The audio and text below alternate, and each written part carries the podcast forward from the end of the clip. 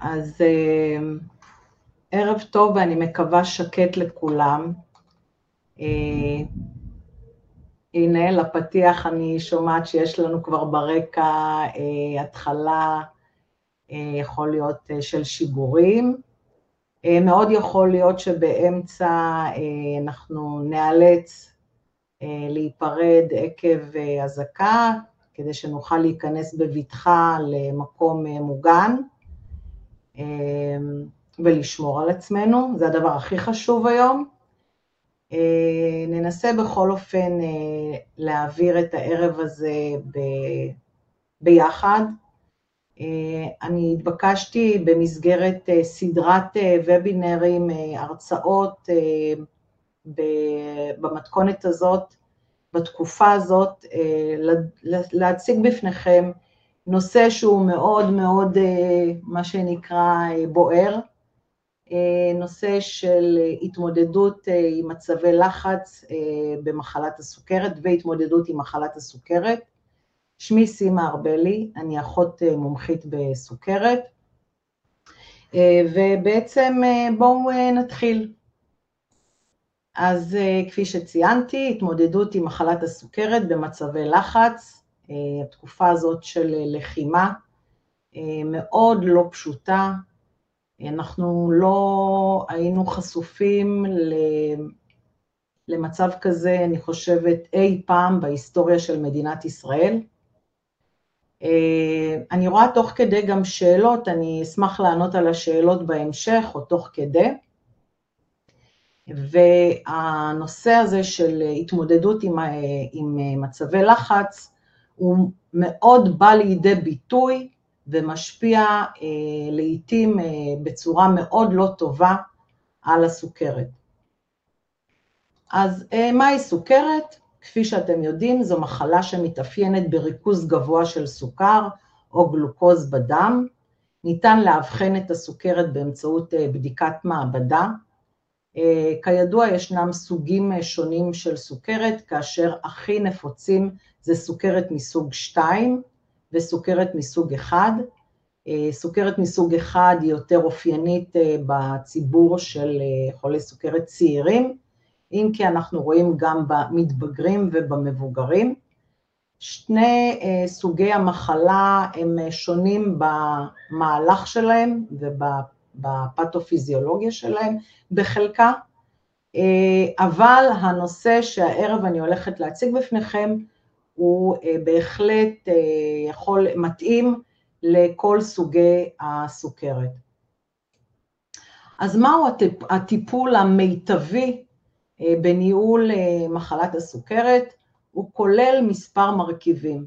בראש ובראשונה, אורח חיים בריא, במיוחד בחולי סוכרת מסוג 2, מה שנקרא בשפת העם סוכרת של המבוגרים.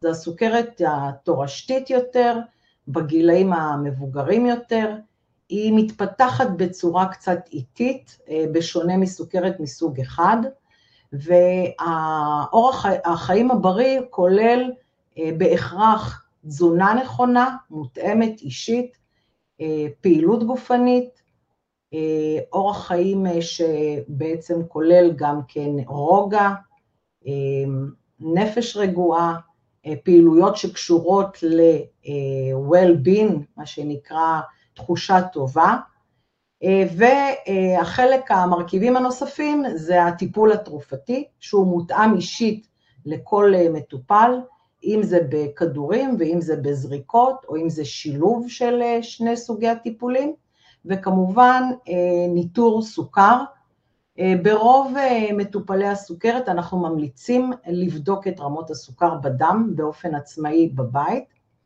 אה, וישנם גם מטופלים שמתחברים למכשירים לניטור סוכר רציף, על פי הקריטריונים של הסל, סל הבריאות הכתיב. וכל זה מנוהל על ידי צוות רב מקצועי שכולל בתוכו מעקב תקופתי של בדיקות אה, שגרתיות, של ביקורים אצל אה, רופאים מומחים, רופאי עיניים, אחות מומחית בסוכרת, דיאטנית, אה, ממערך הפסיכוסוציאלי, ויש עוד מקצועות בריאות נוספים חברו למעגל הזה של הטיפול בסוכרת, כמו מרפאה בעיסוק, יועצת לפעילות גופנית, רוקחת קלינית ועוד. אז אם כך, מהם הגורמים המשפיעים על יציאה מאיזון בסוכרת? ותשימו לב שאותם מרכיבים שאנחנו לוקחים בחשבון לאיזון מיטבי, שזה כולל תזונה נכונה, פעילות גופנית, טיפול תרופתי ומעקב תקופתי, תרופתי ומעקב תקופתי, הם הגורמים שמשפיעים, עשויים להשפיע על יציאה מאיזון במידה ולא נצמדים להנחיות או להמלצות שמותאמות באופן אישי לכל אחד. אבל הערב אנחנו נתמקד במרכיב של המצב הנפשי. אז מה קורה במצב שבו יש משבר, לחץ וחרדה? ישנן תגובות גם רגשיות, גם התנהגותיות, גם קוגניטיביות וגם פיזיות, שבאות לידי ביטוי בתחושה הזאת של חוסר אונים, ויכולה להיות או התנהגות פסיבית, או איזושהי התנהגות אה, תלותית באדם אחר, מחשבות שחוזרות על עצמם, מה יהיה, איך אני אסתדר, אה, מה יקרה מחר, מה יעלה בגורלם של הילדים, של הנכדים, בלבול, בלבול עצום. התחושה הזאת של הבלבול, אנחנו חווינו אותה בשבוע הראשון של הלחימה, מה קורה, איך זה נפל עלינו, אה, איך אנחנו יוצאים מהמצב הזה, הצפה רגשית ושינוי בתפיסת המציאות. ישנם גם אנשים שמרגישים הרבה מאוד פעמים גם בדידות באותה חוויה של משבר, לחץ וחרדה. אז מה קורה לנו בגוף? בלגן שלם, אתם רואים בתמונה הזאת. זה איזושהי, איזשהו מערך פיזיולוגי שמבטא ובא לידי ביטוי במערכות שונות בגוף, במצב הזה של הדחק, דחק נפשי אה, ומה שנקרא סטרס. אז בואו ננסה לפשט את זה ולהסביר את זה בצורה קצת יותר אה, פשוטה. מה קורה לנו במצב של לחץ לכל אדם באשר הוא, אה, ואיך זה בא לידי ביטוי על איזו, על, בהשפעה על איזון הסוכרת. קודם כל, כשהגוף בלחץ, המוח שלנו, שהוא מה שנקרא השומר ראש על הגוף, הוא מאותת, שולח איתותים לכל מערכת העצבים האוטונומית, והוא מייצר על ידי הכניסה הזאת לכוננות אה, הורמונים, שלרוב הם הורמונים שנקראים הורמוני הדחק, והם אה, בעיקר האדרנלין והקורטיזול, והביטוי של כל המערך הזה זה כדי ליצור יותר, אה, להביא אנרגיה, הגוף צריך יותר אנרגיה. בשלב הזה, מה שקורה, הכבד, שהוא המחסן העיקרי של הסוכר בגוף, מפיק יותר גלוקוז, יותר סוכר, לצורך אה, ייצור אה, האנרגיה. בעצם הגוף שלנו נכנס לאיזשהו סחרון, סחרור חושים, אה, הוא צורך יותר אנרגיה, האנרגיה הזאת באה מסוכר, ולתופעה הזאת נקראת להילחם או לברוח. וזה מה שקורה לנו כשאנחנו נמצאים במצב של לחץ. בואו אני אראה לכם איך זה בא לידי ביטוי בטבע. אנחנו רואים בטבע את התופעה של הצ'יטה, הנמר או החיה הגדולה שרודפת אחרי העופר הקטן הזה, ויש לו איום קיומי. פלוס הפרשנות הזאת של מצב של חוסר אונים, גורם לאותה חיה לחץ וחרדה, אותם תסמינים של לחץ וחרדה, או שהם באים לידי ביטוי בקושי בהתמודדות, או שהם בורחים, נסים על, נסים על חייהם כדי להינצל. זה מה שקורה לנו בגוף בזמן של לחץ, בזמן שיש חרדה ברמה מאוד אה, מוגברת, ואצל חולי הסוכרת זה בא לידי ביטוי בכלל, לא רק אצל חולי הסוכרת, יש גם כל מיני, אה, זה בא לידי ביטוי גם גופני, אנשים בסופו של דבר מאוד מתעייפים, זה בא לידי ביטוי בהפרעות בשינה, אנחנו חווים בעצם במהלך הלילה התעוררות לעיתים מאוד אה, קרובות, אה, קושי בלהירדם, אפילו סיוטים, הייתי אומרת, בשינה בזמן החרדה הזאת, שהיא תוקפת אותנו גם בלילה. בבוקר מתעוררים עם כאבי ראש, שמלווה את אותו אדם במשך כל היום. לעתים זה יכול גם לבוא לידי ביטוי בעלייה במשקל, שתכף נראה למה, או ירידה במשקל. ישנם גם ביטויים שבאים לידי ביטוי מבחינה רגשית, אנחנו חווים יותר תחושה של חרדה, עצבנות, עצבות, חשיבה שלילית.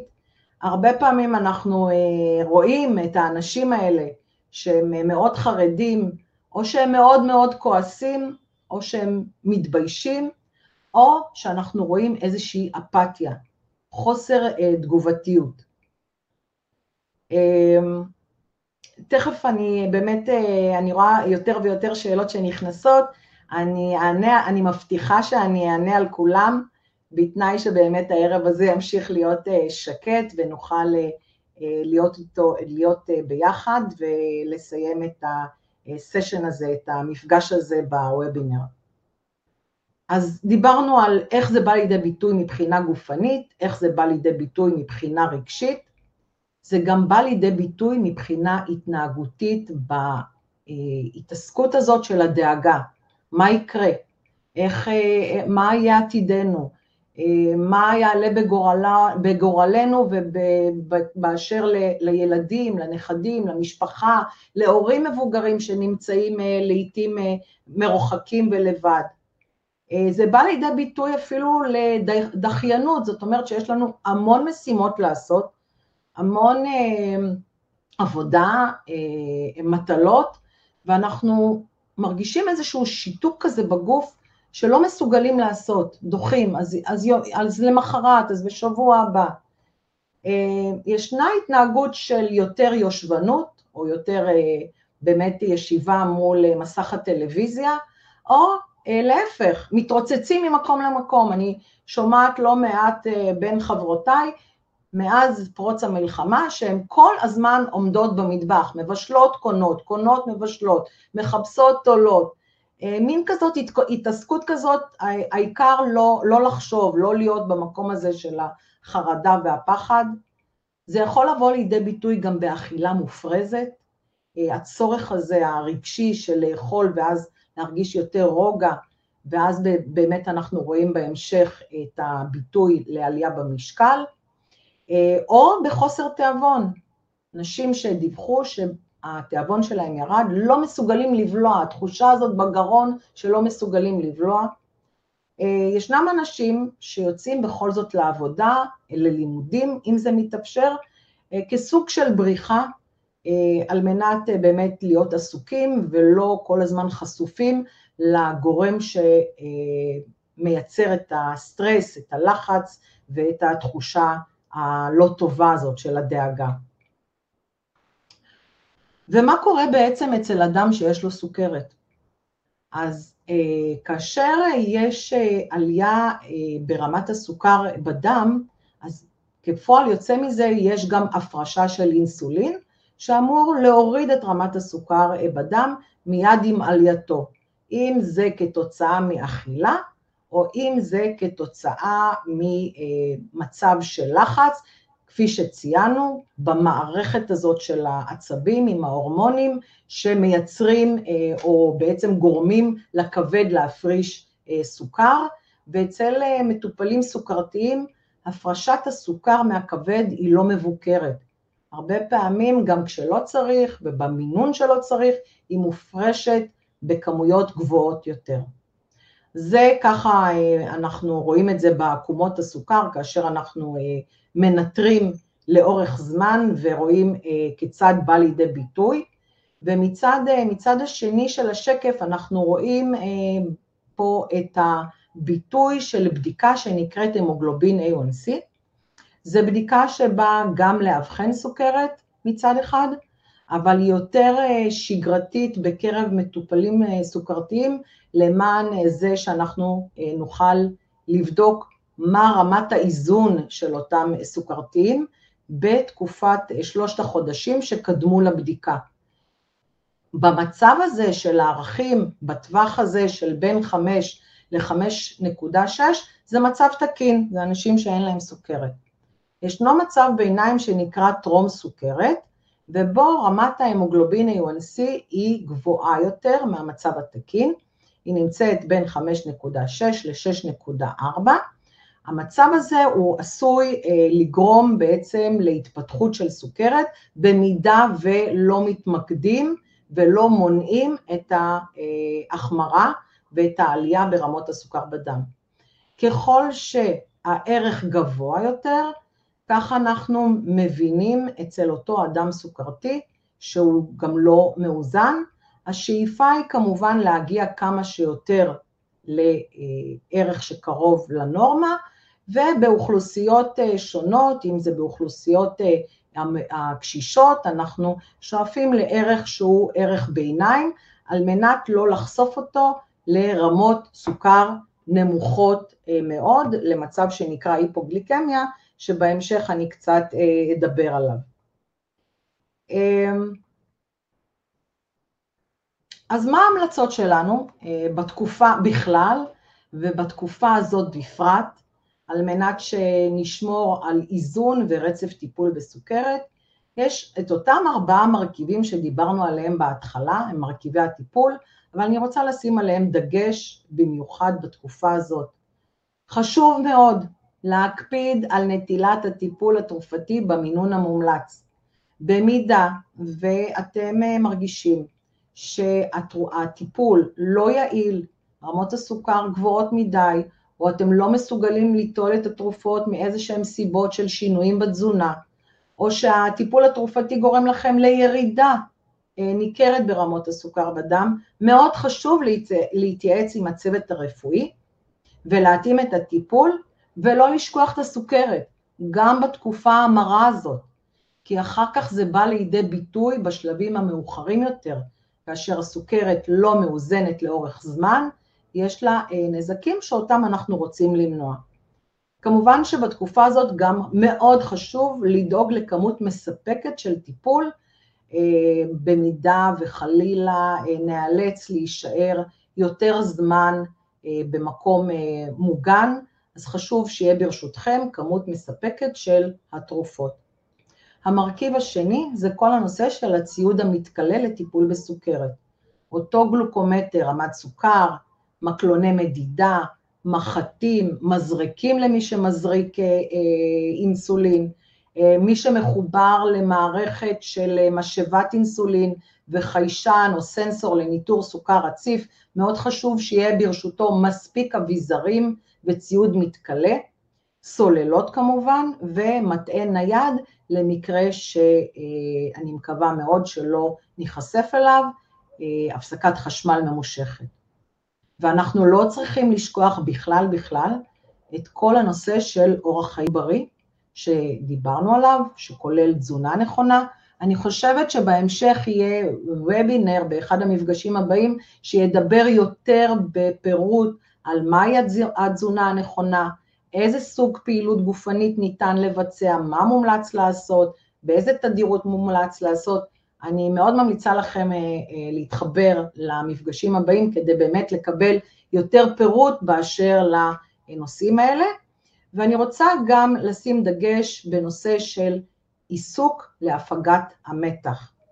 חברים וחברות, לא לשבת יותר מדי מול מסך הטלוויזיה, לא להקשיב יותר מדי לפרשנויות והחדשות והאזהרות והסכנות. אני לא אומרת להתעלם, אני לא אומרת אה, לשים את הראש מתחת לאדמה, אבל, או מתחת לכרית, אבל חשוב לעשות את זה במינון הנכון, וכן לשלב קריאה של ספר טוב, מוזיקה טובה, סרטים, סדרות, משחקי קופסה, חבר'ה, אם יש לכם בבית, בבוידם, ממליצה לכם להוציא את אותם משחקים ולשבת בחיק המשפחה, לשחק, לשוחח, לדבר, אה, לחשוף ולשתף גם כן רגשות וחוויות אישיות, זה מאוד מאוד עוזר להפיג את המתח. למטופלים שמטופלים בתרופות שעשויות לגרום להיפוגליקמיה, אותה תופעה של ירידה ברמת הסוכר בדם מתחת לנורמה, ואני מדברת על מתחת ל-70 מיליגרם אה, סוכר בדם, מאוד חשוב שיהיה ברשותכם תבליות גלוקוז, קוביות סוכר, שתייה מתוקה, איזשהו חטיף, קרקר, ולאלה שמזריקים אינסולין באופן אינטנסיבי או מטופלים במשאבות אינסולין, גם חשוב מאוד שיהיה ברשותכם ערכת אה, גלוקגון. אז גם להזכיר לכם שטיפול בהיפוגליקמיה, אה, אנחנו ממליצים על שלוש כפיות סוכר או שלוש קוביות סוכר, או את הבקבוקונים הקטנים האלה שניתן לרכוש בבתי המרקחת שמכילים 15 גרם גלוקוז, אה, חשוב להקפיד לקחת בעת תופעה של היפוגליקמיה, וגם לאכול איזושהי מנת פחמימות אה, מורכבת. כל הרשימת הציוד והמשימות וההמלצות האלה יישלח אליכם, או כבר נשלח אליכם בהודעת אס.אם.אס למייל, אני ממליצה לכם לפתוח את אותה הודעה, להדפיס את אותו דף, ושממש יהיה לכם ברשותכם, על מנת שתזכרו מה צריך להיות לכם ואיפה אה, לאחסן. וכעת אני רוצה גם לפרוס בפניכם שירותים נוספים שמכבי שירותי בריאות בעת הלחימה מאוד בזריזות הקימה מערכים שלמים, אה, גייסה את כל אה, חטיבת הבריאות, מקצועות הבריאות, אה, מקצועות הסקטור וכל מי שרק תחשבו עליו שעובד במכבי למען מתן סיוע למטופלי מכבי וגם לא, ולא בהכרח למבוטחי מכבי במרפאות שונות. יש את הקו סיוע מיוחד לעזרה בהתמודדות עם מתח וחרדה, הוא מאויש 24/7, אה, ניתן גם במספר הקו הטלפון הזה וגם בכוכבית 3555 להגיע, להציג את הבעיה וינתבו אתכם על מנת לקבל את הסיוע המתאים. אה, כל המידע הזה גם קיים באתר מכבי לחבר.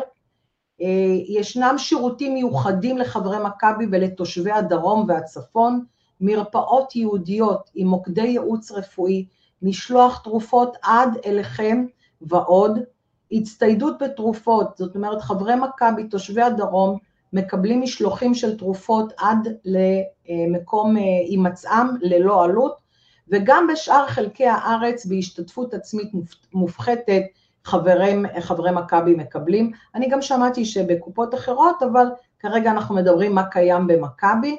ישנו את הקו החם, כפי שציינו, וגם להתייעצות בנושא של תרופות ומזון רפואי, כולל עזרה ראשונה במכבי דנט.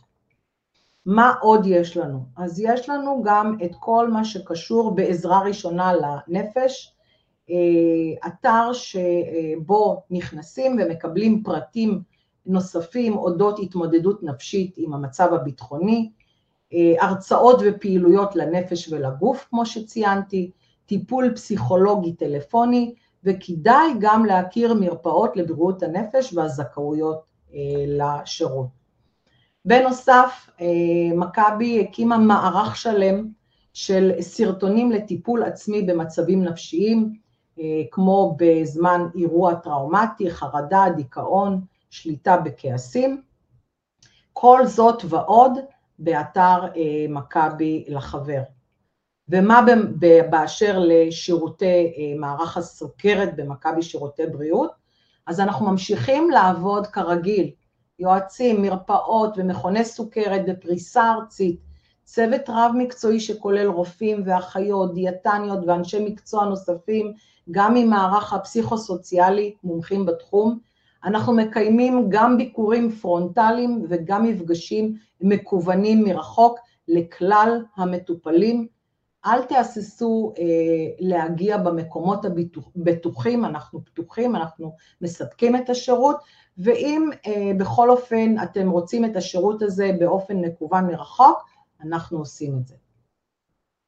אז בואו, אה, אני כן אה, בחרתי אה, לתרגל איתכם, למי שמעוניין, איך אנחנו יכולים להפיג ולו מעט את המתח ואת הלחץ שבו אנחנו שרויים. הפחד הוא שלי, הוא שלנו והוא נמצא בקרבנו, אבל הוא רק חלק ממני. הוא לא צריך להשתלט עליי. הוא לא זה שצריך לנהל אותי. אני צריכה לנהל את הפחד הזה, אוקיי? לא צריך לפחד לדבר על פחד. הוא קיים, אבל הוא לא צריך לנהל אותנו. אז מה אנחנו עושים? הגוף שלנו הוא המרפא שלנו. זה הנשימה והנשיפה הארוכה. איך אנחנו עושים את זה? קודם כל אנחנו מרפים את הלסת, אנחנו מרפים את הפנים, אנחנו מרפים את הכתפיים, מיישרים את הגב ועוברים לתרגול של נשימה בצורת ריבוע, כדי להרגיש יותר רגוע. אנחנו נושמים, נשימה, שתיים, שלוש, ארבע, סופרים בלב, עוצרים עוד שתיים, שלוש, ארבע, נושפים, שתיים, שלוש, ארבע, עוצרים, עוד שתיים, שלוש, ארבע.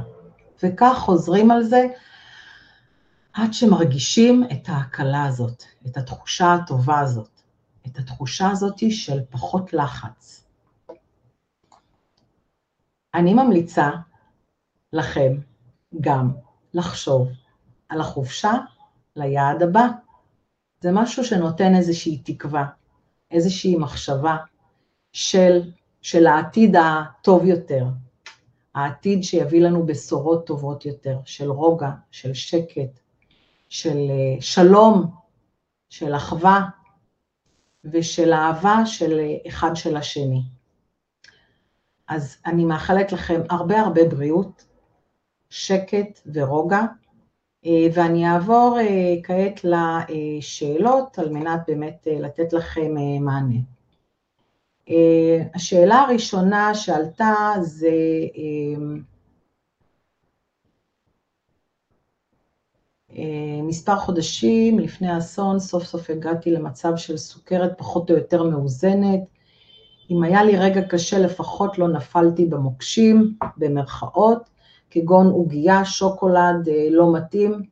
עכשיו יש נפילות. מה להכין לעצמי כדי לא ליפול? וואו.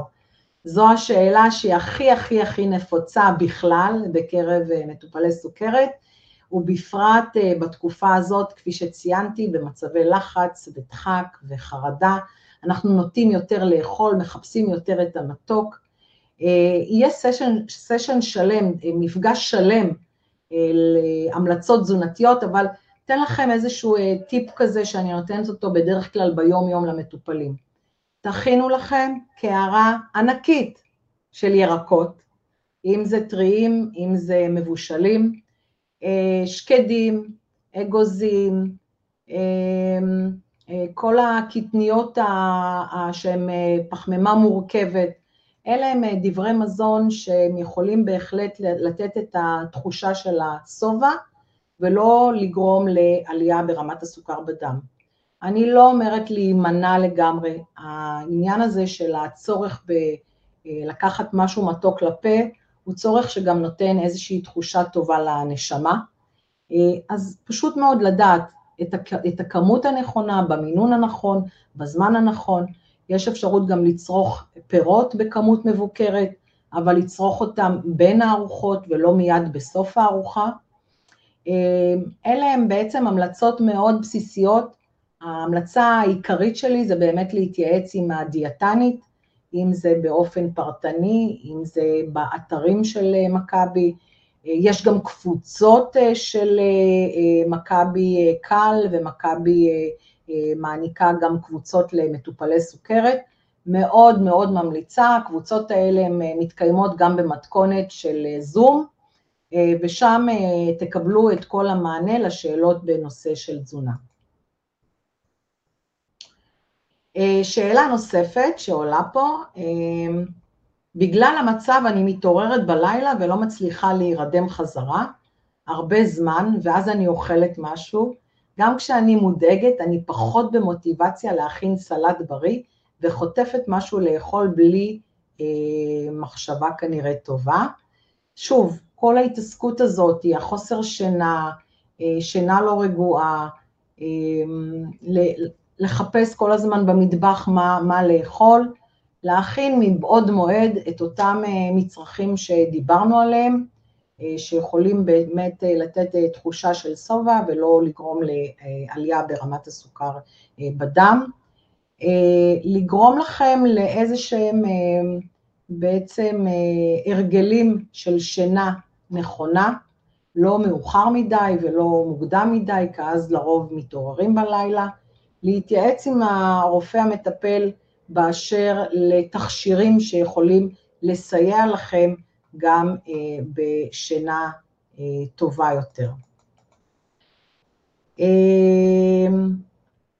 ישנה שאלה לגבי אספקה של מקלונים למדידת סוכר, כאשר היא מוגבלת, באריזה ישנם 50 מקלונים, לכל מכשיר יש לו את המקלונים שהם ספציפיים, ה-50 מקלונים לרוב מספקים למטופלים שהם לא בטיפול אינטנסיבי באינסולין, מי שמטופל אינטנסיבית באינסולין, אם זה בהזרקות ואם זה באמצעות משאבת אינסולין, הם נזקקים לכמויות גדולות יותר של מקלונים ויותר סטיקים, וכפועל יוצא מזה, כמובן, אנחנו כן מספקים חמש אריזות לחודש, שזה נותן 250 מקלונים בחודש, וזה די ויותר.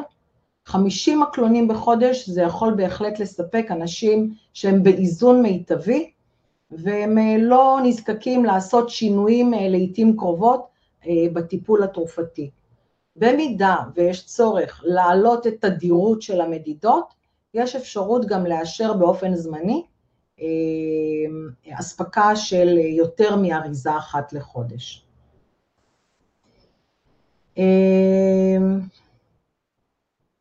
טוב, שואלים פה אם זה מפגש שאנחנו לא במצלמה, זה בסדר, רק שואלת לדעת, רק שומעים, רואים ושומעים רק את סימה, זו הייתה התשובה.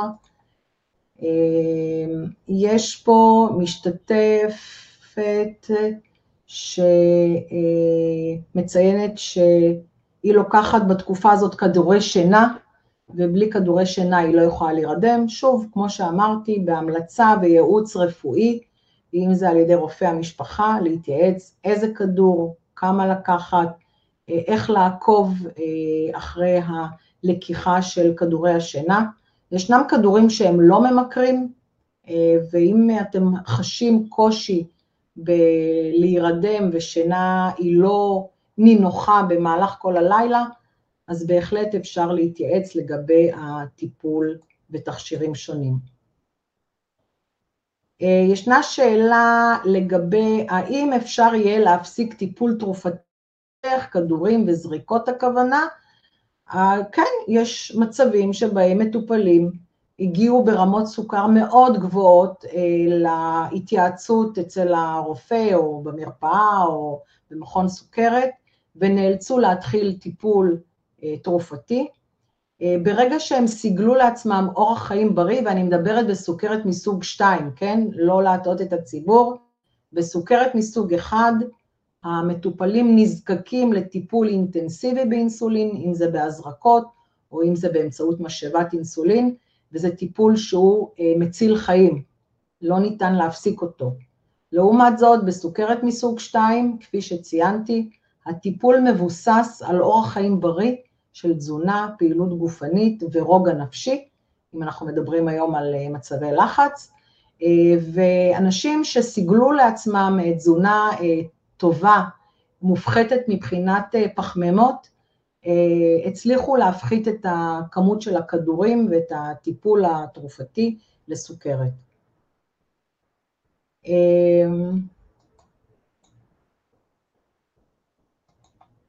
לדעתי, יש פה שאלה שהאם מי שלא חבר מכבי לא יכול לצפות בסרטונים שהזכרת,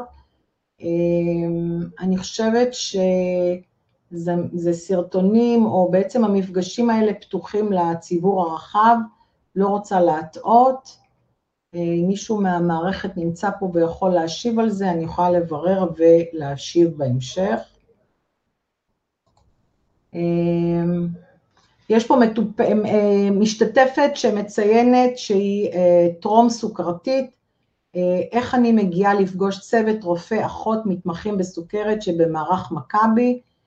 כל חבר מכבי זכאי לקבל ייעוץ לפחות פעם אחת על ידי מישהו שהוא מומחה בתחום. יש לנו מערך שלם גם של אחיות, בעלות הכשרה בסוכרת וגם מומחיות בסוכרת, לא בהכרח חייבים להגיע לרופא מומחה בסוכרת בשלב הזה של טרום סוכרת, אתם תקבלו את המענה המלא לכל מה שקשור במעקב, בטיפול, בהמלצות התזונתיות על ידי דיאטנית, יועצת לפעילות גופנית, במידת הצורך ויהיה צורך להתייעץ עם רופא מומחה בתחום, האחות או האיש צוות הנוסף ידע להפנות אתכם.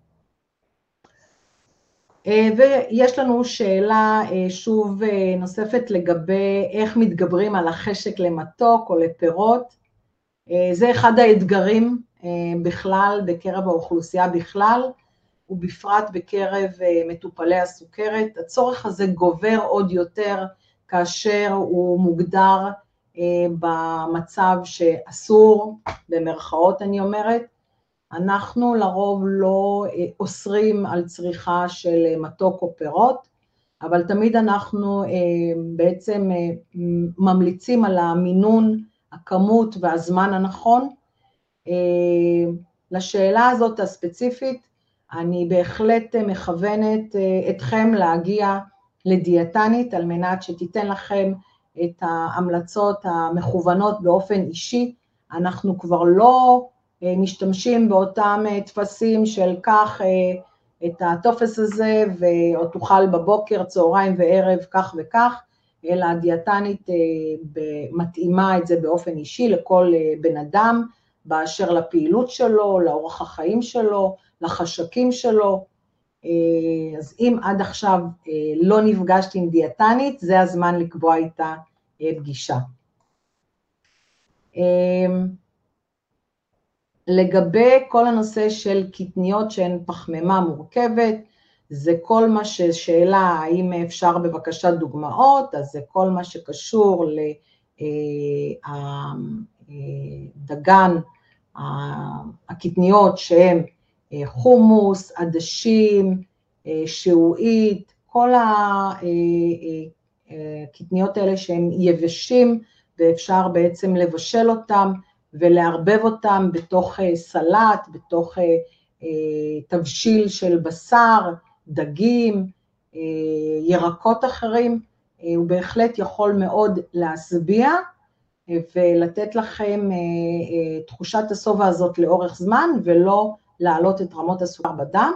אני שוב נותנת פה רק טיפים, אני לא רוצה להחליף פה את ההמלצות של הדיאטנית, יש לה חלק, מרכיב מאוד חשוב בטיפול במטופלי סוכרת. ישנה פה הערה או שאלה בעצם של קיבלנו המלצה לא לאכול פרי בכלל, ואם כבר אז מיד לאחר הארוחה כדי להצמיד לאכילה של החלבון. אז מה נכון?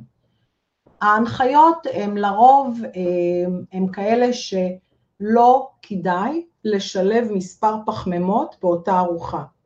אם ישנה ארוחה שהיא רק כוללת חלבון כמו בשר או דג וירקות, אז לרוב משלבים שם גם עוד איזושהי מנה של פחמימה, כמו אורז, תפוח אדמה, פסטה, אטריות וכהנה וכהנה. במידה ולא היו, לא הייתה, לא היה שילוב של פחמימה באותה ארוחה, אז ניתן לשלב את אותה מנת פרי מיד לאחר הארוחה. אבל בארוחה שכוללת גם פחמימות, מומלץ לעשות הפרדה של הפרי כדי לא להעמיס יותר מדי פחמימות באותו זמן, הגוף לוקח לו יותר, הוא יותר מתקשה לפרק את הסוכר, ואז רמת הסוכר גם עולה יותר וגם נשארת לאורך זמן גבוהה יותר. אני מקווה שהצלחתי לענות על השאלה.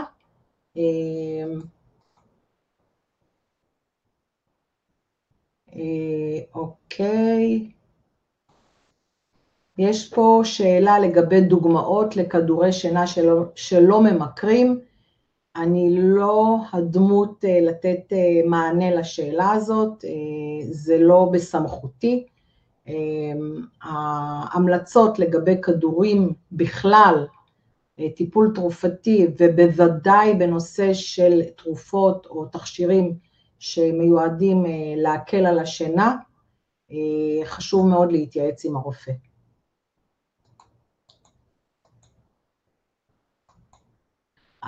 לגבי המידע על הפעילויות והמפגשים האלו במכבי, אני, השאלה שעולה פה, אני ממליצה לכם להיכנס לאתר של מכבי, שם אתם תקבלו את כל המידע, תיכנסו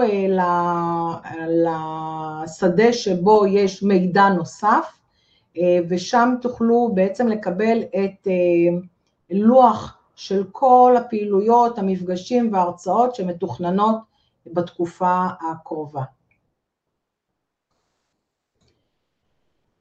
שאלה נוספת, במצב של סוכרת מאוזנת עם תרופות, כמה פעמים ביום כדאי למדוד את הסוכר, כמו כן, לאחר כמה שעות מארוחת הערב ניתן למדוד את רמת הסוכר בדם.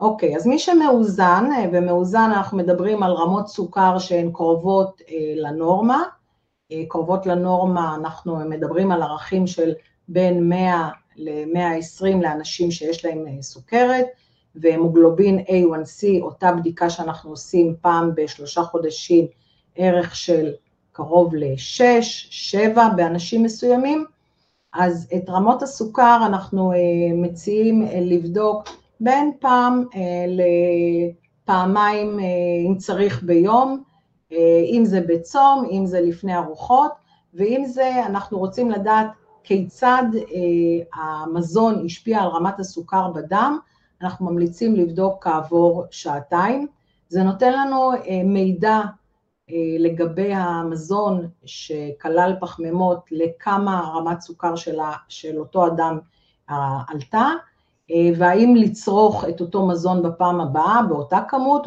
או בכמות מופחתת.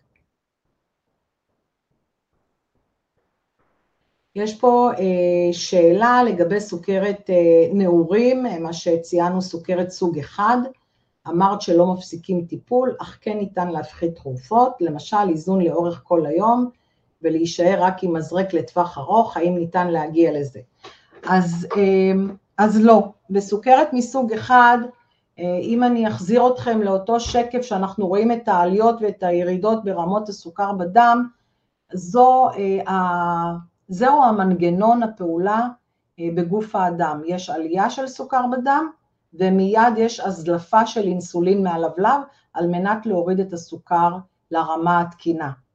אצל אדם עם סוכרת מסוג 1, המנגנון הזה בעצם לא עובד, הלבלב לא מייצר אינסולין, לפחות בשלבים הראשונים אולי בכמויות קטנות, בהמשך בכלל לא, והמנגנון הזה של יצירת האינסולין לא עובד, ולכן אותו אדם נזקק גם לאינסולין בעל טווח פעולה ארוך, שנותן כיסוי לכל היממה, וגם לאינסולין בעל טווח פעולה קצר, על מנת להוריד את הסוכר ביחד עם העלייה לאחר הארוחה.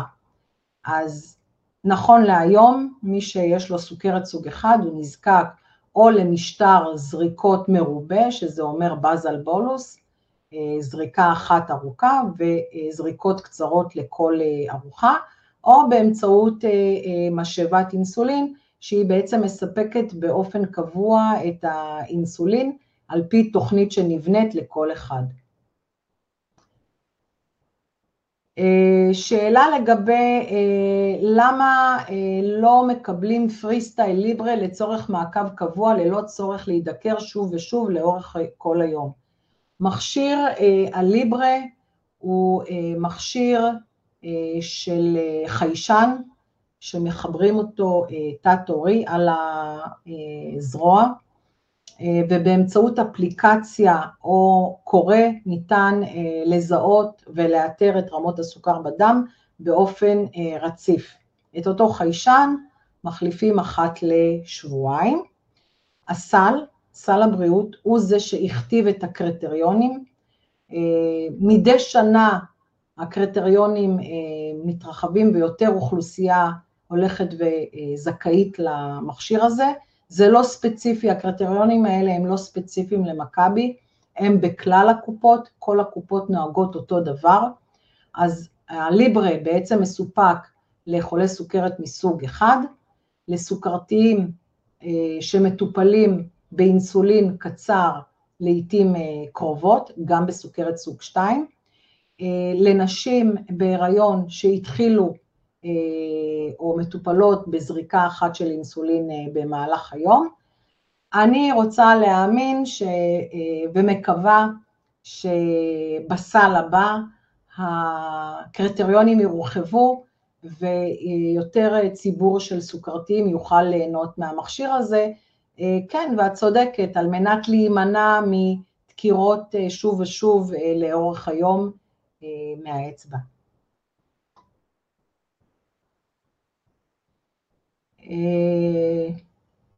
שאלה נוספת, אני סובלת מהזעות פתאומיות בפנים מדי פעם לאורך היום, ובעיקר לפנות בוקר, האם תרופות מסוימות נגד סוכרת כמו גלוקומין עשויות לגרום לתופעה כזו?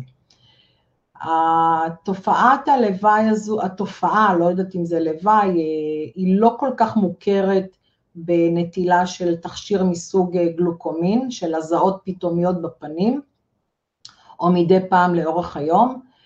תופעה כזאת היא יכולה לנבוע מסיבות שונות, אם זה ממצב באמת שיכול להיות על רקע רגשי, לחץ, מתח, חרדה. זה יכול להיות כתוצאה ממנגנון של מערכת הורמונלית אחרת, אולי משהו שקשור לבלוטת התריס. זה יכול להיות לאו דווקא בנטילה של גלוקומין, תסמין לירידה ברמת הסוכר בדם, ואז רצוי באמת לבדוק את הסוכר ולראות האם זה כך. זה יכול להיות גם במצבים של שינויים הורמונליים בגיל, בעיקר אצל נשים, והנה אני רואה שכתבה פה, אגב, עברתי מזמן את גיל המעבר, אז, אז זה כנראה לא בגלל גיל המעבר, אבל בהחלט זו תופעה שיכולה לנבוע מסיבות שונות ולא בהכרח מסוכרת או מנטילת כדור מסוג גלוקומין. כן ממליצה להתייעץ עם רופא ולעבור סדרה של בדיקות נוספות על מנת לאתר מה הסיבה לתופעה.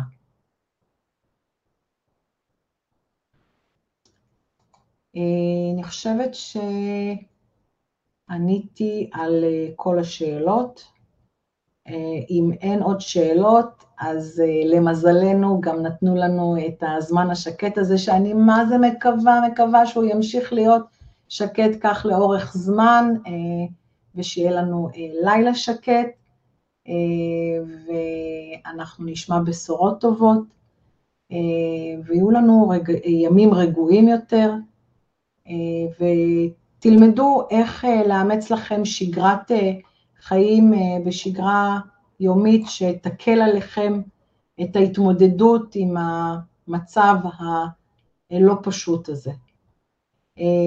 השאלה האחרונה שעלתה פה זה אילו פחמימות מורכבות כן יכולים להתאים לסוכרתיים, זה שוב, זו שאלה שהיא נוגעת בנושא של תזונה, יכול מאוד להיות שאני אגיד לך סוג מסוים של פחמימה שיכולה להתאים לך, אבל לא בהכרח לאחר, ולכן אני לא רוצה לפרט פה. כן ממליצה לך להגיע לדיאטנית על מנת לקבל את ההמלצות המותאמות עבורך. אז תודה רבה לכם על כך שהייתם פה, האזנתם, השתתפתם, שאלתם, מאחלת לכם לילה שקט ולילה טוב.